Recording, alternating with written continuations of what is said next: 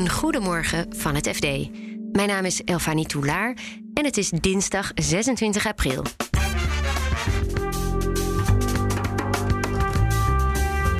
Bij Philips lijkt even alles tegen te zitten. Van nee, we moeten toch nog meer apparaten terughalen en dat gaat ons ook nog meer geld kosten. Just Eat Takeaway geeft volgens de aandeelhouders te veel geld uit. Als het goed gaat, dan klaagt niemand hierover. Gaat het slecht, dan vinden ze eigenlijk elke euro die het bedrijf uitgeeft te veel. En de beelden uit de Oekraïne-oorlog vormen niet vanzelfsprekend bewijsmateriaal. Maar uiteindelijk gaat het er toch erom of de rechter het dus als, ja, als, als bewijs ook uh, accepteert. Dit is de dagkoers van het FD. Philips zit in zwaar weer. Het technologiebedrijf meldde maandag een nette verlies in het eerste kwartaal van 151 miljoen euro. De crisis begon een jaar geleden met problemen bij de slaapapneuapparaten, vertelt technologieredacteur Sandra Olsthoorn. Philips heeft 5 miljoen apparaten moeten terughalen. Uh, maandag werd bekend dat er nog eens 300.000 er bovenop komen. Um, en het bedrijf lijkt in een soort perfecte storm te zitten. Want het heeft, met deze crisis moet het in hele zware omstandigheden door. Hè. We hebben hoge inflatie. Het bedrijf kan moeilijk aan onderdelen komen voor zijn apparaten. En dat drijft de kosten weer enorm op. Dus ja, dat zijn hele zware omstandigheden waaronder ze dit het hoofd moeten weten te bieden, zien te bieden. En wanneer zijn de problemen opgelost? Ja, dat is de grote vraag. Het probleem uh, van de apneuapparatuur lijkt zich ook steeds uit te breiden. Dus Philips heeft nu al een paar keer moeten aankondigen van nee, we moeten toch nog meer apparaten terughalen. En dat gaat ons ook nog meer geld kosten. Hè. Maandag werd ook weer bekend dat um, in plaats van de iets meer dan 700 miljoen die tot nu toe bekend was, dat het bedrag inmiddels oploopt tot bijna 900 miljoen die het bedrijf hiervoor um, moet uittrekken. Nou ja, ze zeggen nu vermoedelijk is dat genoeg om het uh, probleem af te handelen. Maar ja, de vraag is of dat echt zo is. Want we hebben natuurlijk al eerder gezegd van nou, we denken dat we het nu onder controle hebben. Um, en ja, die problemen als inflatie en uh, onderdelentekort hebben ze natuurlijk niet in de hand. En uh, onderdelentekorten, ja, dat heeft onder andere te maken met de tekorten aan chips. Die zijn voorlopig nog niet opgelost. Nee. Uh, en in een gesprek met uh, Frans van Houten van, van Philips zei hij, het is een dagelijkse knokpartij om aan onderdelen te komen. En dan ook nog uh, kondigt de Amerikaanse justitie aan die hele slaapapneu-affaire te willen onderzoeken. Wat, ja. wat betekent dat voor Philips? Ja, dat was één zinnetje in een heel lang persbericht. Um, Philips zegt nu, ze, komen ze hebben informatie gevraagd. Dat betekent vooralsnog niks. Maar advocaten die wij hierover hebben gesproken, die zeggen: nou ja, het, Philips heeft wel een probleem hier, want de Department of Justice heeft wel veel verdergaande bevoegdheden dan de, de, de gezondheidstoezichthouder in de Verenigde Staten. En ja, waar ze precies informatie over willen, weten we niet. Um, maar wat voor de hand ligt, is dat ze kijken of Philips beleggers op tijd heeft geïnformeerd of dat ze het meer zoeken in de hoek van nalatigheid. Hebben ze genoeg maatregelen genomen om dit soort problemen te voorkomen? Hoe moet het nu verder? Het eerste wat er moet gebeuren is die uh, apneu-affaire zo snel mogelijk uh, opgelost krijgen. In ieder geval dat ze al die apparaten kunnen terughalen en uh, vervangen. Uh, en dan is nog even de vraag natuurlijk hoeveel rechtszaken Philips krijgt van gebruikers die naar de rechter stappen en schadevergoedingen gaan eisen. Um, en ja, nogmaals, de inflatie en, um, en onderdelentekorten hebben ze natuurlijk gewoon niet in de hand. Nee. Um, aan de andere kant, het bedrijf meldde ook maandag dat klanten lijken niet massaal het vertrouwen in Philips kwijt te zijn. Dus de bestellingen bij ziekenhuizen loopt aardig door. En de omzet was weliswaar gedaald vergeleken met een jaar geleden. Maar die was niet zo hard gedaald als analisten vooraf hadden voorspeld. Dus het is niet allemaal kommer en kwel. Um, dus wat het bedrijf zelf ook zegt: van ja, als we uh, beleggers houden vertrouwen, want um, we, komen dit wel, we komen hier wel doorheen. Het rommelt bij Just Eat Takeaway. Aandeelhouders eisen het vertrek van de financiële topman en de president-commissaris. Retailredacteur Jan Braaksma vertelt waarom de onvrede zo groot is. De achterblijvende beurskoers vooral. Dat is toch de reden waarom uh, aandeelhouders ontevreden worden. Als de koers uh, hoog staat, dan zul je ze niet horen over het algemeen. Want dan zijn ze gewoon blij en dan uh, staan ze er relatief goed voor. Maar nu is het al een jaar of twee toch wel wat uh, malaise met de, met de kwakkelende beurskoers bij Just Eat Takeaway. En ja, als dat maar lang genoeg duurt, dan komen beleggers wel in, uh, langzaamaan in opstand. En dat, dat zie je nu in etappes eigenlijk uh, gebeuren. En hoe komt het dat Just Eat Takeaway zo slecht presteert op de beurs? Al zo lang. Ja, er zijn eigenlijk een aantal redenen. Eén is dat het in de sector gewoon niet zo heel erg goed gaat. In ieder geval op de beurs niet. Dus ook de sectorgenoten van Just Eat Takeaway staan onder druk. Dus Deliveroo bijvoorbeeld, Uber, Delivery Hero. Daar gaat het ook allemaal niet zo lekker mee in vergelijking met de piek. En dan moet je ook bedenken, de piek was tijdens de pandemie. Toen iedereen in zijn huis zat opgesloten.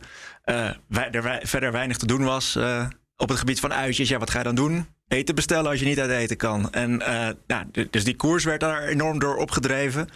Daarnaast zijn er ook nog wat bedrijfsspecifieke dingen. Ze hebben bijvoorbeeld Grubhub gekocht, een Amerikaanse maaltijdbezorger.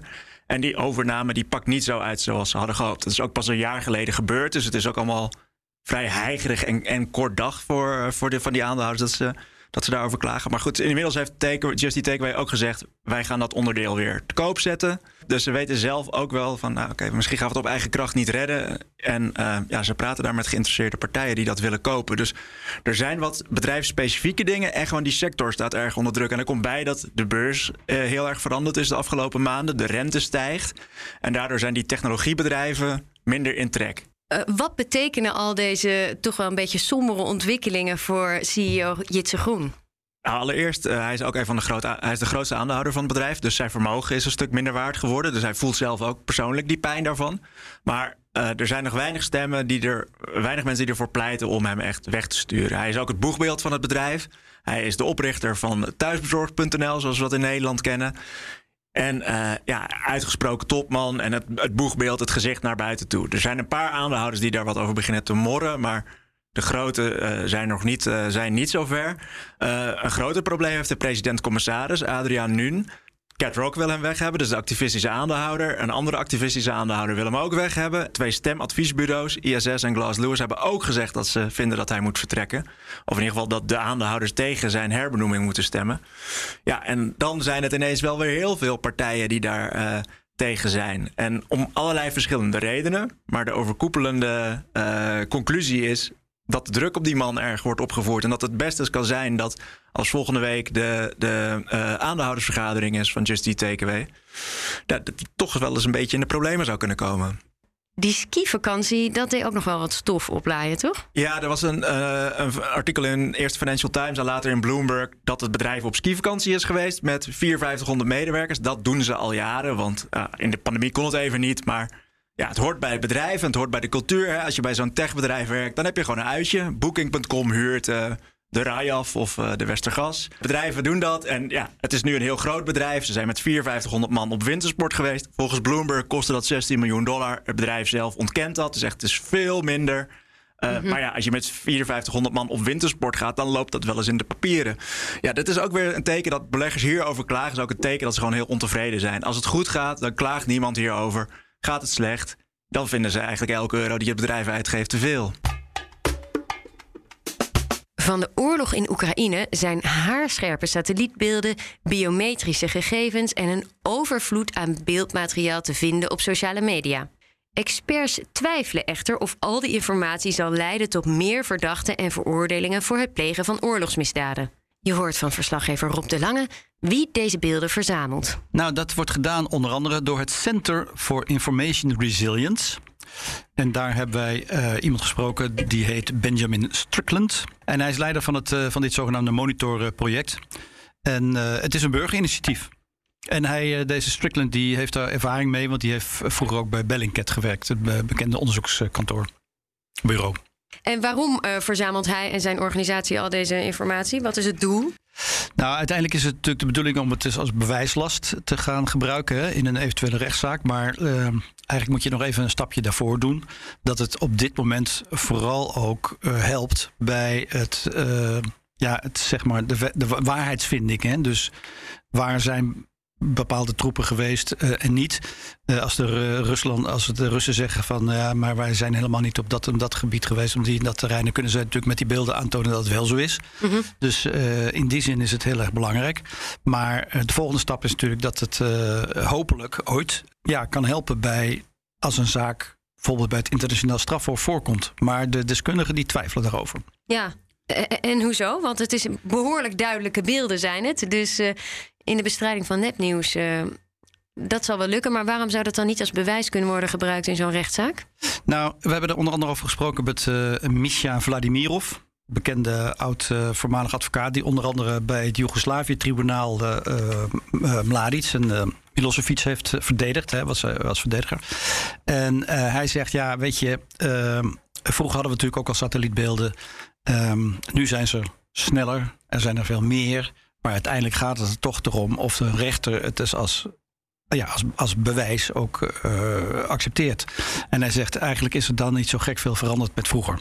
Je kunt zeggen dat, dat de, de, juridische werkelijkheid niet erg veranderd is vergeleken bij, uh, bij nu. Maar, maar, wat is dan precies het verschil met vroeger? Nou ja, de snelheid en de hoeveelheid. Dus uh, je hebt veel meer materiaal, veel meer beelden. Dames van dashcams, noem maar op, via social media. Maar de vraag is of dat echt dan een juridisch bewijs vormt. En daar twijfelen de deskundigen over. Want ja, eh, je moet wel, zoals een van de advocaten die tegen ons zijn, je hebt het bewijs en dan stopt het eigenlijk. Net, net als vroeger. Inlichtingen helpen bij het vaststellen dat iets zo moet zijn gegaan. Maar of het echt zo was, dat is een andere kwestie.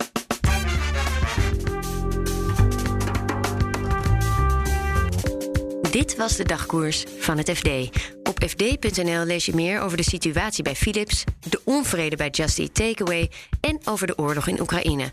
En je volgt daar natuurlijk ook het financieel-economische nieuws. Dagkoers volg je in je favoriete podcast-app. Dus zoek ons daar even in op en klik dan ook gelijk op abonneren. Dan krijg je donderdagochtend automatisch onze nieuwe aflevering binnen. Voor nu, een hele fijne dag en tot morgen.